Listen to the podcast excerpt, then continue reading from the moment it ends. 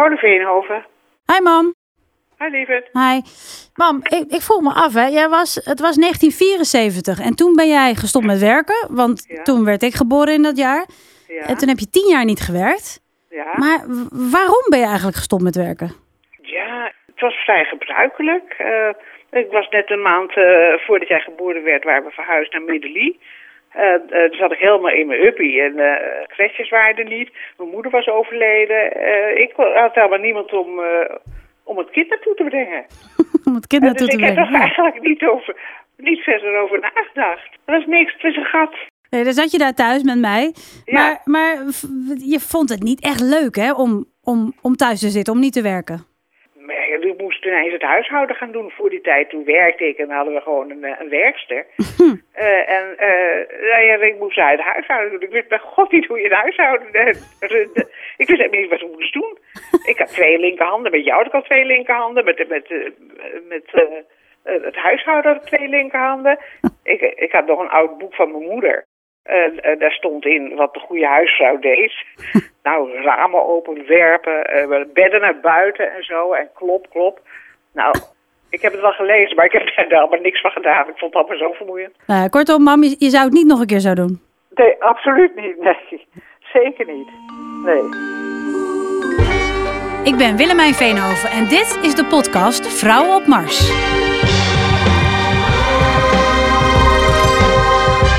Aflevering 1. Van huisvrouw tot huisman. Echt 80% mannen. En ze zagen er allemaal saai uit. Of ze nou 30 waren of 70. Op een gegeven moment zeg ik, Ineke, wie is eigenlijk mijn mama? Gijs van Dijk en zijn moeder Ineke van der Zanden. Ik vind het twee bijzondere mensen. Gijs is Tweede Kamerlid voor de PvdA en vecht voor de uitbreiding van het vaderschapsverlof. Zijn moeder is een bijzonder kritische en vrijgevochten socioloog. Ze heeft als alleenstaande moeder haar kinderen grootgebracht en ondertussen werkte ze aan haar academische carrière. Ik spreek moeder en zoon in de werkkamer van Gijs in de Tweede Kamer. Had Gijs überhaupt iets anders kunnen worden dan politicus met zo'n opvoeding? Absoluut niet. Ik heb dat trouwens wel altijd gezegd. Ik ga absoluut niet de politiek. maar het is blijkbaar ook een weg. Ik zou absoluut geen sociologie studeren. Dus ik kan die stelling wel nemen, maar blijkbaar word je toch door iets diepers eh, eh, laat je je leiden. Gijs, vertel eens over, ehm, over jouw opvoeding. Eh, dat was, eh, weet ik al een beetje, dat was niet een opvoeding zoals ik die heb gehad. Maar met heel veel mensen. Ja, nee, eh, ja opge- opgegroeid dus in Leiden. in een huis met ja, steeds verschillende samenstelling. Wat ik me daarvan kan herinneren was dat het... Ja, er is altijd iemand in huis. En er is een bepaalde levendigheid in huis. Je zit altijd met, met z'n allen aan tafel, want dat is wel een vast moment. En, maar goed, dat is heel vaag in de verte. Er werden ook goede feesten gegeven op zaterdagavond. Ja, ja. Ja, Ineke? Ineke zit te glimmen. Ja, ja nee, we, we, gaven eh, twee keer per jaar een, een eh, echt, echt een groot feest. En dan nodigden we iedereen uit met wie we eh, nou ja, op dat moment bevriend waren... of contacten hadden of eh, collega's eh, Ja. waren. En dan maakten we echt themafeesten van eh, circusfeest en... eh ehm, Kom van Koten en de Bio heet ze, nou, de tegenpartij. En dan bouwden we echt de hele kamer en alles in sfeer. We En dan kwam er- iedereen als Jacobsen en Van Essen. Zeker. Er waren heel wat mooie Jacobsen van Essen. Ja, dat was echt prachtig. Ja. Ja. En eh, hoe, hoe ver ging dat samen zijn? Want eh, samen eten, maar ook... eh, jij hebt drie kinderen gekregen. Heb die mensen ook bij de bevalling? Ja, de- bij, bij Gijs wel. Bij Gijs was het echt Oh ja? een, een, een hele, hele collectieve gebeurtenis. Of ik dat nou weer zo zou doen, dat weet ik niet. Maar toen Ik heb er nog steeds last van. Ja, dat dacht ik ook.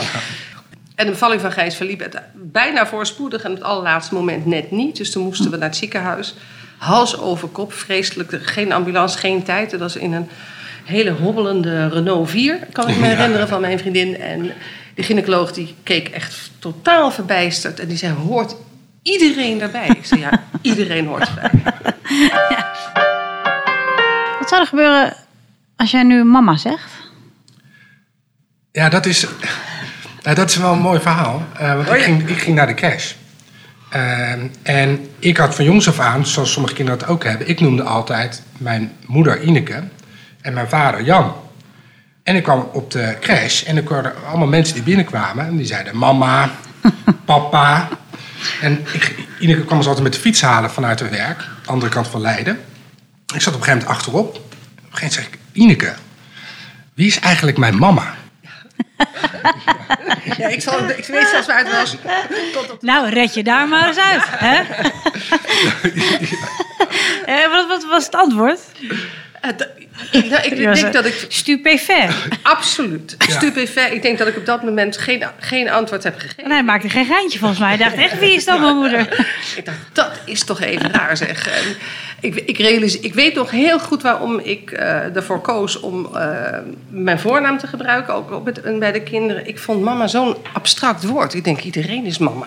Dus iets van, gaan ze mij dan aanspreken? Dus ik vond dat heel vervreemdend. Later dacht ik, ik weet niet of dat nou zo heel slim was voor jullie. Waarom niet? Ehm, ja, dat weet ik eigenlijk niet. Moet ik aan jou vragen. Nou, het heeft voor mij niet zoveel... Kijk, toen het, was het gewoon een soort verbazing. Er zijn hier blijkbaar allemaal mama's en papa's. Ja. Maar ik had natuurlijk de waarde en de liefde, eh, die wa- was er natuurlijk. Het had op zich niet zo in de woord, Het is niet dat te je, maken. tot, dat je tot aan nu nog op zoek bent naar, naar je mama en je papa. Sowieso is het niet. Nee, hoeft niet. Jouw, eh, jouw Ineke dus, niet jouw moeder, Ineke. Die deed jou op een crash. Ehm eh, Ineke, jij had heel sterk bedacht, ik wil werken en kinderen. En geen gezeur, die kinderen gaan naar de crash. Ja. Was dat eh, nog een lastige keuze in die tijd? Eh, het was in verschillende opzichten heel erg lastig. Ik, eh, ik heb met Jan daar discussie over gehad. Want ik wist genoeg over ongelijkheid tussen mannen en vrouwen om me te realiseren. Ik ga niet parttime werken en hij fulltime. Hij had een fulltime baan. Ik, ik kan het uitstippelen zoals het dan gaat. En het was een hele bewuste keuze, dat wil ik niet. Eh, en ik dacht, ik ga echt van meet af aan zorgen dat ik gewoon ook mijn eigen loopbaanpad eh, schets en creëer. Want anders dan is die ongelijkheid binnen no time zo groot en dat haal je nooit meer in. Dat was één. En je bedoelt de ongelijkheid... eh, Tussen, tussen mannen en vrouwen, in dit Ja. geval tussen mijn partner en mij. Ja. Een tweede hele belangrijke overweging is dat ik vond dat ik als hoogopgeleide vrouw een goede voorbeeld moest geven. Want je kunt wel als feminist zeggen van hè, we moeten het anders en we moeten een deel van de macht en arbeid en zorg moest gelijk verdeeld. Dat vond ik allemaal, dat riep ik ook allemaal. Ehm, en dat riepen heel veel vrouwen met mij, maar ik vind dan dat je het ook zelf moet doen. en dan spreken we over... eh, Gijs, jij bent van 1980? Ja. Ja. Ja. Dus ik was eh, vrij snel eh één ouder, vlak na de geboorte van, van- de jongste. Nou, dan sta je, staat je wereld echt wel even op zijn Ehm, en ineens, eh Gijs zei het al, ben je een heel klein kerngezin. En iets wat ik nooit had gewild. Eh, dus, dus dat was echt nou, op allerlei manieren wel heel erg hard nadenken hoe ik dat wilde. En wat ik van meet af aan heb gedaan, is met hele goede vrienden en vriendinnen eh, we- weer die eetafspraken gemaakt. Ik dacht, ik ga toch niet iedere dag staan koken zelf. Dat, en bovendien, Wat is er mis met, eh, met zelf koken? In je eentje? niet iedere dag. Het- Nee. Het, het was, eh, ik, ben, ik ben denk ik een ster geworden in, in, in plannen. Het is echt onvoorstelbaar. Ik heb echt jarenlang s'avonds na, na het badritueel, na voorlezen en, en eh, staan koken. Voor de volgende dag. Eh, Ja. Een oven die kon programmeren. Zodat als we thuis kwamen met de kinderen uit, de crash, dat er gegeten kon worden. Ik, ik deed boodschappen met een hele lieve mannelijke collega Ja, van, van de universiteit. Omdat ik het gewoon zonde vond van de tijd met de kinderen om dan boodschappen te gaan doen. Dat deed ik dus niet. Ik maakte een lijst, die hing op de koelkast. En in de winter voor drie weken. En in de zomer voor twee weken. En dan eh, haalde ik mega boodschappen, zodat dat gewoon was gebeurd. Maar Wel afspraken in, in je zit wel een maar aan. Het zijn twee dingen wat je... Willemijn, jij een vroeg net, ja, Nee. nee, je vroeg net van, wat, hoe was je nou anders? En Ja. nu schiet het me ook te binnen, nu je dit zo vertelt. Oh, had ik niet moeten vertellen. Ik moest al heel, op een hele jonge leeftijd koken. Oh, Eh, en dan had je vriendjes die deden, wat ga jij doen? maar ik moest koken. En ik ben later ben ik absoluut de waarde daarvan eh, van gaan inzien. Maar was denk ik, zat ik in groep 6? Ja. Dus dan ben, dan ben je hoe oud? Uh, Tien? Tien? Ja, 9, 10. 19? Ja, ik denk dat met Lennet dat En- jij de Ja. eer- je- En wat kookt hij dan, Gijs? Eh, eerste gerecht, dat was eh, volgens mij, dat was, eh, hoe heet dat nou joh? Dat was eh, dat Indische gerecht. Dat heb ik als eerste gekookt, met rijst. Ja, is vaak met rijst, hè? Pang, pang. Babi Panga. Babi Panga. Dat is het Ja, Indonesische dat heb ik Ja. als eerst, als eerst gekookt. Wauw. Dus dat was zoiets. dat- En dan, dan moest ik dus eerder, want ik ging, was een jongen die altijd naar buiten ging, voetballen, weet ik wat. En dan moest je vertellen, ja, ik moet koken. Nee, dat. Sorry, ik kan even niet op doel, ik moet Nee, koken. maar het was echt een hele bewuste keuze. Want Ja. ik ontmoette zo ontzettend veel mannen die echt zeven linkerhanden hebben. Ja. En, en we hadden natuurlijk ook in, in, in mijn vrouwenscholingsgroep, eh, die, die- die ik destijds heb opgericht, daar hele discussies over. Hè. Mannen eh, die plakken de banden van de fiets neer, enzovoorts, enzovoorts. Nou, en ik dacht, ik ga toch met die zonen van mij zorgen dat ze kunnen, kunnen zorgen en kunnen koken en, en, en weten wat het is. En inmiddels is het niet alleen maar buipangang, maar ook rendang. En je alles. Nee, ik, ik kan, en dat is dus wel... Kijk, Ja, die, die jaren baalde ik er ook wel van. Het was op donderdagmiddag vaak. En dan, shit, was het weer donderdag. Weet je, Ja. dat gevoel had ik wel, zeker in het begin. Eh, ik, heb er, ik heb later... De echt een- oppassen vonden het heel leuk hè, om dat samen met jou te doen. Nee, dat ja, was nee, ook- echt waar. Ja, dat was ook, maar op dat, weet je, dat, je hebt op dat moment heb je het heel druk met voetballen en weet ik wat. En wat minder met koken. Maar dus de waarde die je er dus later van terugziet. Dat ik dus heel makkelijk kook en ik eh, in de koelkast kijk, oh wat kunnen we maken. Ja. Dat heb ik wel, daar, daar is Ja. de baas ontstaan. Tweede frustratie. Ehm, S'avonds, Ineke was, die werkte natuurlijk veel, dus die zag ik overdag niet. S ochtends natuurlijk wel, maar smiddags niet. We gingen naar opvang of later hadden we iemand thuis. Ehm, en dan gingen we natuurlijk na het eten altijd voetballen, of buiten spelen, eh, spel doen. Maar ik moest altijd als eerste naar binnen. Want dan zei Ineke, ja, we hebben elkaar nog helemaal niet gezien. Oh, ik is vind dat het, zo? Ja, ik vind het prettig. Ik vind het prettig om ook even te zien. Dus dat was wel een van de nadelen. Ik ben er heel erg voor, hè, dat je natuurlijk als alleenstaande moeder zowel alles in werk doet en ook in de zorg. Ja. Maar nou, dit is ook van, later voor jou best een inspanning geweest om ook nog met ons een spelletje te doen of gesprek te voeren. Maar op dat moment dat was af en toe een frustratie dat ik dacht, het was mooi weer. Dus je bedoelt, je, je moeder werkte hard en dan wilde ze natuurlijk ook nog genoeg Nou, tijd aan de kinderen. En dan moest jij binnenkomen om te vertellen hoe je dag was. Ja, en dan moest ik zeg maar of een spelletje spelen. En, en terwijl de jongens en de meisjes ook eh, gewoon lekker tot negen uur. eh want die, had, weer. want die hadden als middags met hun moeder Ja. thee gedronken. en, dat eh, Dat kan ik me helemaal niet herinneren. Ja. Dat is al heel oh, Freudiaans. Helemaal stiekem. stiekem, stiekem Nee, maar Gijs, ik kan het me wel voorstellen Ja. met dat koken. Ik, ik wou dat mijn moeder eh, me ietsje, ietsje meer gepusht had en mijn vader. Ja. Eh, want nu, ik, moet, ik zoek altijd mannen die dat kunnen. Want ja, zelf eh, kan, kan, ik het- kan ik het voor geen weten. nee? Ja, maar die zijn best wel moeilijk te vinden. Dus Ja, nee, is nog... ze zijn heel moeilijk te Het is een cliché, maar het is wel Ja. waar. Ja. Dat is echt waar. Ehm, uiteindelijk, Gijs, en ik ben benieuwd wat dat heeft te maken met jouw opvoeding, ben jij je ontzettend hard gaan inzetten, eh, onder andere voor meer vaderschapsverlof, voor de uitbreiding van vaderschapsverlof. Is, dat, is dat iets wat gevoed is door, jou, door jouw opgroeien? Ja, absoluut. Ja. Dat is wel echt iets van, ik bedoel, los even van de waarden die me eigenlijk mijn hele leven al wel drijven, is dit wel een van de dingen waar ik vind. Ik ben zelf ook vader geworden. Ehm, en toen heb ik ook toen de tijd, hebben we met elkaar afspraak gemaakt. We doen het, eh, we, we, we doen het echt 50-50 met elkaar. En toen heb ik ook toen de tijd al gezegd, we zouden, en we hebben dat toen Papa Plus genoemd met een groep. Onder, onder andere met Rutger Groot-Wassink, nu de, de, Ja. de, de man in GroenLinks, bij, bij GroenLinks in Amsterdam. Gezegd van, we gaan Papa Plus oprichten om ook de rol van de vaders, want niemand heeft het erover. Ja, nee. De vaders die gewoon actief mogen zeggen op het werk: eh, ik ga zorgen. En ik ga helaas niet vanavond door met, met jullie doorvergaderen, eh, want ik heb gewoon een zorgtaak te doen. Ik heb het ook, ik kom vanuit de vakbeweging vaak gezien, ook nog heel mannelijk bolwerk. Want we hadden eigenlijk de meeste vergaderingen vaak s'avonds. En onderhandelingen, maakt niet uit, de hele nacht door. Omdat er allemaal mannen zaten van een bepaalde leeftijd, die kinderen hadden, maar helemaal geen zorgtaken. Dat zat helemaal niet bij hen. Dus dan moest je dan bijna af en toe over de drempel, voor jezelf over de drempel stappen. Zeg jongens, ik ga het vanavond gewoon niet redden. Ja. Ik moet naar huis. Ben je trots op hem, hoe hij dat heeft gedaan, Ineke? Dat, met, dat meteen hameren op 50-50 en ook de strijd voor, voor meer ouderschapsverlof? Ja, Ik, zie- ik zie je een beetje zuinig kijken. Nee, nee, nee, niet zuinig. Ik ben heel hard aan het, na, ik ben heel hard aan het nadenken. En ook, ook aan het nadenken over hoe ver, hoe, hoe, hoeveel hebben we nu bereikt? Hoe ver zijn we nu gekomen? Want toen ik zwanger was van Gijs, waar, ik dol en dol gelukkig mee was...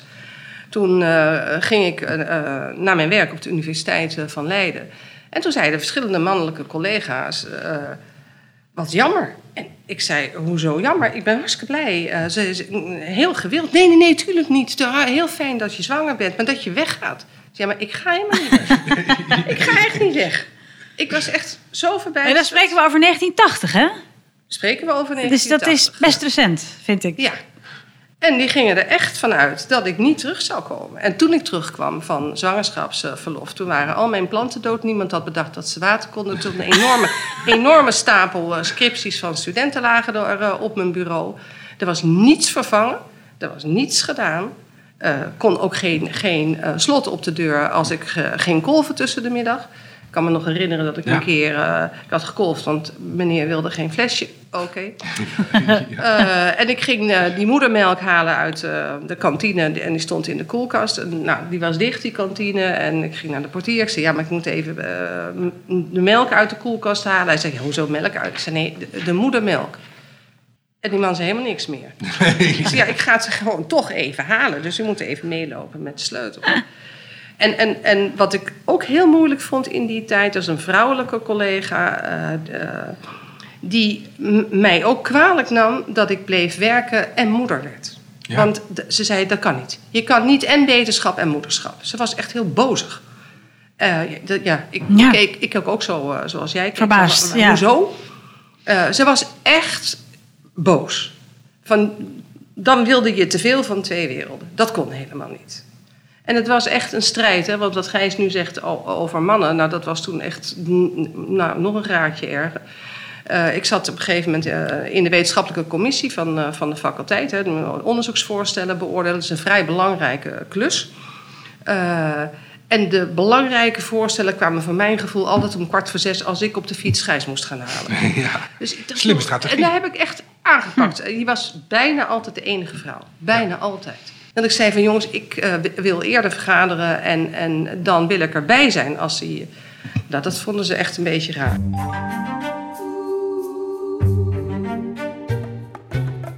Je vroeg je net af, in hoeverre zijn we nu opgeschoten? Ja. Nou, we hebben net vorige week met z'n allen besloten in de Tweede Kamer...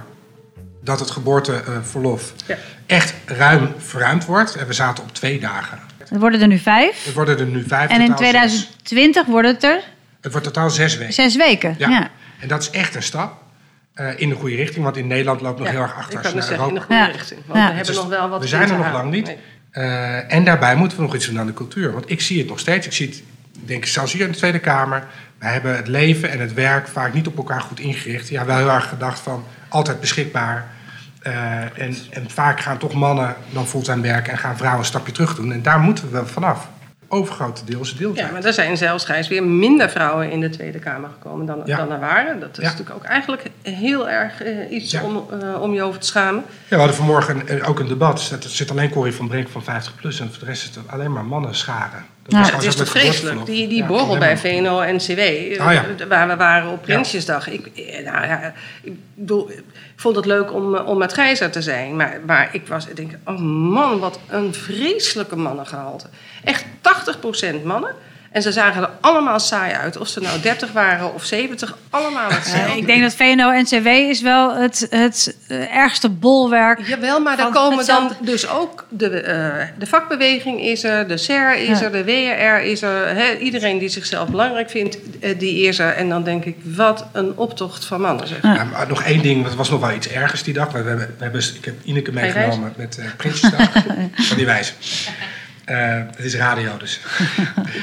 Eh, de Raad van State. Eh, wat je hebt is natuurlijk, eh, wij zaten in de, eh, in de ridderzaal. En op een gegeven moment moet iedereen eh, binnenkomen. En de Raad van State, dat is een belangrijk gewichtig, die komt dan later. Nou, dat was toch echt een optocht van hele wijze, deskundige mannen Ja.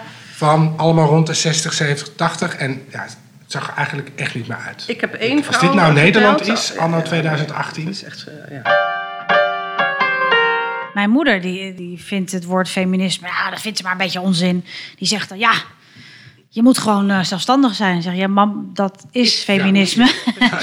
Eh, maar die heeft altijd, ik kan me nog herinneren, een gesprek met mijn moeder toen ik een jaar 14 was. En ik weet niet meer exact wat ik vroeg, maar het ging erover van, mam, eh, ja, moet ik later ook gewoon werken? Toen keek ze me aan en zei ze, we gaan het hier niet over hebben. Dit is een belachelijk onderwerp. Natuurlijk moet jij gewoon Ja, werken. ja. Natuurlijk. Dus je het in je hoofd? Het is gewoon geen onderwerp. Oké, mam. We moeten toch ook af van zo'n absurd iets als een papadag. Heb jij wel eens gehoord van een mamadag? Wat raar. Dat, dat, dat, dat mannen, die, als ze dan al een dag voor, voor hun Ik ben kind of trots op mijn kinderen... papadag. Houd toch op. Ja, ja. Voor hun kind zorgen en zeggen, ik heb een papadag. Nou, eh, Ja. dat, dat geeft al aan hoe Ja. ontzettend ongelijk het is. Ja. En, en mannen zich daarop laten voorstaan in plaats van dat ze trots zijn op het feit dat ze het gewoon goed verdelen. Of je nou alle twee fulltime werkt of alle twee parttime, dat is, hangt van heel veel factoren af. Ja. Ja. Maar deel het gewoon gelijk. Ja, Gijs, tot slot. ja. Wat ehm, was het belangrijkste dat je van je moeder hebt opgestoken? Nou, het belangrijkste dat, dat, dat hem toch ook echt on- onvoorwaardelijk, ehm, nou, ook wel echt onvoor- onvoorwaardelijke liefde eh, voor de mensen eh, om je heen.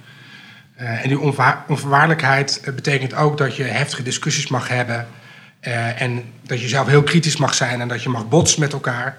Maar dat die basis wel echt, dat die gewoon heel sterk is, zo voel ik dat altijd. Want wij zijn het ongelooflijk niet met elkaar eens op heel veel punten, vaak toch?